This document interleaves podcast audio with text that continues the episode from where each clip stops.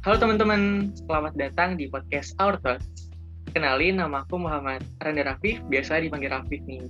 Nah, itu perkenalan singkat dari aku. Di podcast ini tentunya aku nggak sendirian. Aku ditemenin dua bestie oleh aku nih, sebagai narasumber pada topik kali ini, yang tentunya keren banget. Fun fact, aku beda zona waktu nih sama mereka. Aku WIB dan mereka Wita, dan kita semua beda pulau. Oke, langsung aja ya. Yang pertama ada Ibnu Jurga. Halo Jo, apa kabar? Halo Pip, kabar baik dong pastinya. Oke, baik. Dia biasa dipanggil Ibnu atau Jo nih. Saat ini ya tinggal di Kota Balikpapan, Provinsi Kalimantan Timur. Dan sedang menjalani studi S1 Teknik Industri di Universitas Gajah Mada. Selanjutnya ada Hendrik Lenggu. Halo Dek, apa kabar? Halo Kaf, Alhamdulillah baik. Oke, baik. Dia biasa dipanggil Hendrik, tapi di sini aku manggilnya Dek nih. Dia tinggal di Kota Kupang, Provinsi Nusa Tenggara Timur, dan sedang menjalani S1 Teknik Industri di Universitas Diponegoro. Sesuai topik podcast, kita akan membahas PPKM. Bukan PPKM yang pandemik yang pembatasan sosial itu bukan. Dan juga bukan PPKM percintaan yang pernah perhatian kemudian menghilang. itu juga bukan. Nah, PPKM yang kita bahas ini adalah perlu produktif ketika muda. Topik yang menarik untuk dibahas dan cocok untuk kita yang sedang menjalani masa muda. Muda itu relatif sih ya. Untuk kita yang masih di bawah 20 tahun, menurutku itu masih tergolong muda. Apalagi kita di fase remaja nih. Jadi pas buat kita obrol di sini. Kemudian ngomongin tentang produktif nih, aku mau nanya sama kalian, apa sih definisi atau makna produktif menurut kalian dan seberapa penting? Mungkin kalian bisa ngasih skala 1 sampai 10 dan alasannya gimana? Jo boleh duluan. Oke, kalau dari aku ya, produktif itu penting banget. Aku bakal kasih skala mungkin kayak hmm, 10. Karena produktif menurut aku sendiri itu lebih ke gimana kita mengatur waktu untuk membagi pekerjaan-pekerjaan yang harus dilakukan. Nah, mumpung bahas produktivitas nih, aku ingat sama kata-kata kayak gini. Setiap kali kamu bermalas-malasan, teman-teman di luar sana selangkah lebih ke depan. Kalimat ini tuh sebenarnya kalau kita cermati bisa dilihat dari dua sisi loh. Bisa dari sisi negatif dan sisi positif. Kalau negatifnya, hal ini tuh dapat menyebabkan kita kayak insecure, toxic productivity, and hustle culture itu bisa banget. Kalau dari sisi positifnya, itu bisa kita menggunakannya menjadi sebagai acuan atau batu lompatan untuk ke depannya agar selalu tidak bermalas-malasan, Pip. Gitu deh. Oke, bagus banget nih. Nah, kalau untuk Derek sendiri ini gimana nih pendapatnya? Oke, kalau dari saya sendiri ya, tentang seberapa penting produktivitas bagi saya, apabila saya diberikan angka 1 sampai 10, maka tidak ada alasan lain untuk tidak membeli angka 10. Mengapa demikian? Karena bisa dibilang produktivitas itu salah satu hal yang sangat penting, apalagi kita sebagai anak muda dan berbicara soal produktivitas, maka tentu di sini kita akan membahas tentang bagaimana kita melihat berbagai peluang dan juga kesempatan dan juga bagaimana kita bisa memanajemen waktu dengan baik. Jadi mumpung kita masih muda, kita memiliki banyak sekali kesempatan nih. Jadi manfaatkan berbagai kesempatan, berbagai peluang di luar sana hmm, agar uh, kita bisa mencapai seluruh target dalam hidup kita. Oke, mantap banget nih. Kalau tadi tentang seberapa penting, ternyata penting banget ya sampai 10 atau nggak bisa dipilih. Dan produktif itu gimana caranya kita memanfaatkan peluang yang ada, kemudian membagi waktu atas pekerjaan yang kita lakukan. Nah, ini apa sih yang udah kalian lakukan untuk menjadi produktif di masa muda dan dampaknya itu gimana sih bagi kalian? Nah, Dek boleh duluan nih, gimana? Oke, kalau dari saya sendiri ya, karena kebetulan sekarang ini merupakan mahasiswa baru, jadi yang saya lakukan lebih ke uh, hal-hal non akademik. Dan sekarang kebetulan merupakan salah satu founder dari komunitas Zero to Hero, di mana komunitas ini yaitu um, sebuah komunitas di bidang sosial dan kemanusiaan, di mana kita membangun atau ya membangun produktivitas juga dan juga um, memanfaatkan, meningkatkan kualitas generasi muda sekarang agar memiliki kualitas diri yang baik dari segi intelektual dan juga dari segi um, soft skill, pengembangan bakat minat agar ke depannya bisa menjadi generasi yang unggul dan juga generasi yang berkualitas.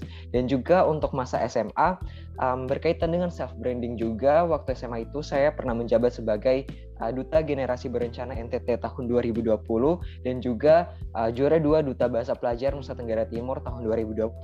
Untuk manfaat sendiri bagi saya uh, bisa dibilang banyak sekali manfaat yang saya dapatkan dengan self branding saya tersebut dan uh, produktivitas yang saya lakukan uh, dimulai dari bagaimana saya memiliki kepemimpinan, cara mengatur waktu dan juga dari uh, cara saya berkomunikasi dengan orang lain.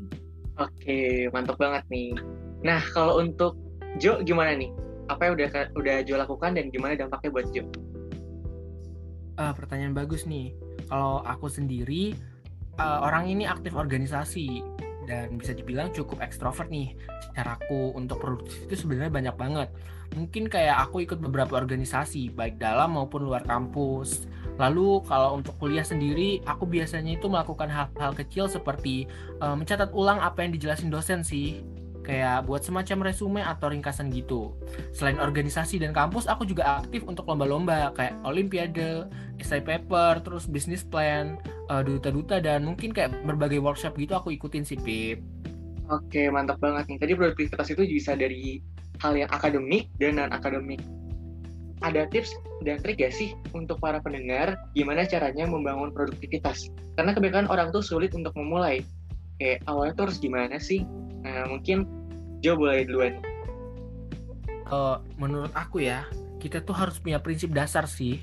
Uh, aku sendiri punya prinsip tuh, aku tipikal orang yang suka ngerjain sesuatu itu lebih cepat. Karena prinsipku semakin kita cepat kerjakan, semakin cepat juga kita punya waktu luang. Jadi kita bisa memanfaatkan waktu luang itu untuk mengerjakan sesuatu. Selain prinsip, kita tuh sebenarnya juga harus punya motivasi loh. Karena motivasi ini tuh bisa membuat kita stabil untuk selalu melakukan produktif kita melakukan produktif produktif itu pasti memiliki banyak alasan. Kalau aku sendiri tuh alasannya mungkin aku uh, ingin kamu laut gitu deh. Mungkin kalau para pendengar uh, sekalian ini punya alasan masing-masing gitu. Nah karena itu menurutku motivasi ini penting banget pi. Oke bagus bagus nah kalau untuk Jack sendiri nih gimana nih pendapatnya? Oke, kalau dari saya sendiri kurang lebih sama seperti yang sudah Jo katakan tadi. Dan um, poin utamanya itu kita perlu memiliki kesiapan dan juga komitmen dari diri sendiri. Setelah itu kita bisa melihat berbagai peluang dan juga berbagai kesempatan yang ada di depan. Nah, untuk anak muda sendiri uh, bisa dibilang tantangan utama kita adalah rasa malas. Apabila kita ingin melakukan hal-hal yang produktif. Nah, bagaimana cara kita mengovercome rasa malas tersebut? Yaitu kita bisa mensugesti atau membangun pola pikir bahwa uh, rasa malas itu adalah sebuah peringatan atau indikasi bahwa kita tidak seharusnya melakukan hal-hal yang membawa, membawa kita ke uh, pengaruh-pengaruh yang negatif gitu. Nah, dan juga uh, tips dari saya apabila kita berbicara soal produktivitas tentu di sini berbicara tentang bagaimana kita mengatur waktu. Untuk mengatur waktu sendiri uh, kan ada tuh yang namanya skala prioritas, ada skala primer, sekunder dan juga tersier. Nah, skala primer itu adalah segala kegiatan-kegiatan kita yang memiliki urgensi atau uh, apa ya?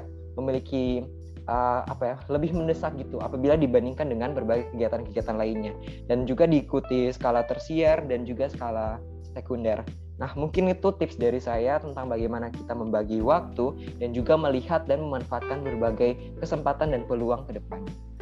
Oke, mantap banget nih. Tadi udah dijelasin sama Joe sama Jack juga caranya kita membangun produktivitas di masa muda. Nah, selanjutnya ada pesan terakhir gak sih ini untuk para pendengar mengenai produktivitas? Jack, boleh duluan. Oke, pesan dari saya kepada para pendengar tentang bagaimana cara membangun produktivitas uh, mungkin singkat saja yaitu kita perlu terhindar dari satu penyakit yang namanya besok nitis itu sendiri adalah penyakit di mana kita sering menunda-nunda pekerjaan dan sering berpikir bahwa ah besok saja masih ada waktu. Nah dari situ akhirnya berbagai kegiatan-kegiatan dan juga tugas-tugas yang sudah kita tunda-tunda tadi menumpuk di akhir dan malah memberatkan diri kita sendiri. Jadi lebih baik apabila kita sudah dihadapkan dengan suatu pekerjaan atau suatu tugas dikerjain dulu agar nantinya tidak menumpuk dan malah membebani diri kita sendiri. Oke, mantap banget nih. Jadi pesan terakhir dari Dek. Nah, kalau Jo ini gimana nih pesan terakhir buat para pendengar? Oke, bener banget sih tadi yang disampaikan sama Hendrik tuh. Uh, aku mau nambahin aja nih saranku buat teman-teman uh, kalian boleh kok produktif, malah disarankan banget. Tapi ingat ya, jangan pernah bandingin diri kalian sama orang lain karena uh, setiap orang itu memiliki kapasitas yang berbeda. Kalau emang kalian mampu segitunya atau udah nggak sanggup lagi, mending istirahat dulu deh. Jangan pernah maksa buat ngelakuin sesuatu yang berlebihan. Itu bisa termasuk toxic productivity loh. Kalian juga harus bisa bedain yang mana produktif, mana yang toxic productivity kalau produktif itu kalian lebih dapat memaknai apa yang kalian kerjain, apa tujuannya, apa manfaatnya buat diri kalian itu. Terus, uh, oh ya, saranku terakhir nih, kalian harus juga bisa ya ngimbangin antara work and life. Sesekali kita boleh kok buat kayak self reward, ngelakuin hal yang kita suka dan istirahat itu boleh banget supaya kita tetap sehat badan dan mental. Gitu deh teman-teman. Oke, mantap banget nih. Nah, itu dia pembahasan kita tentang perlu produktif ketika muda. Semoga bermanfaat buat teman-teman.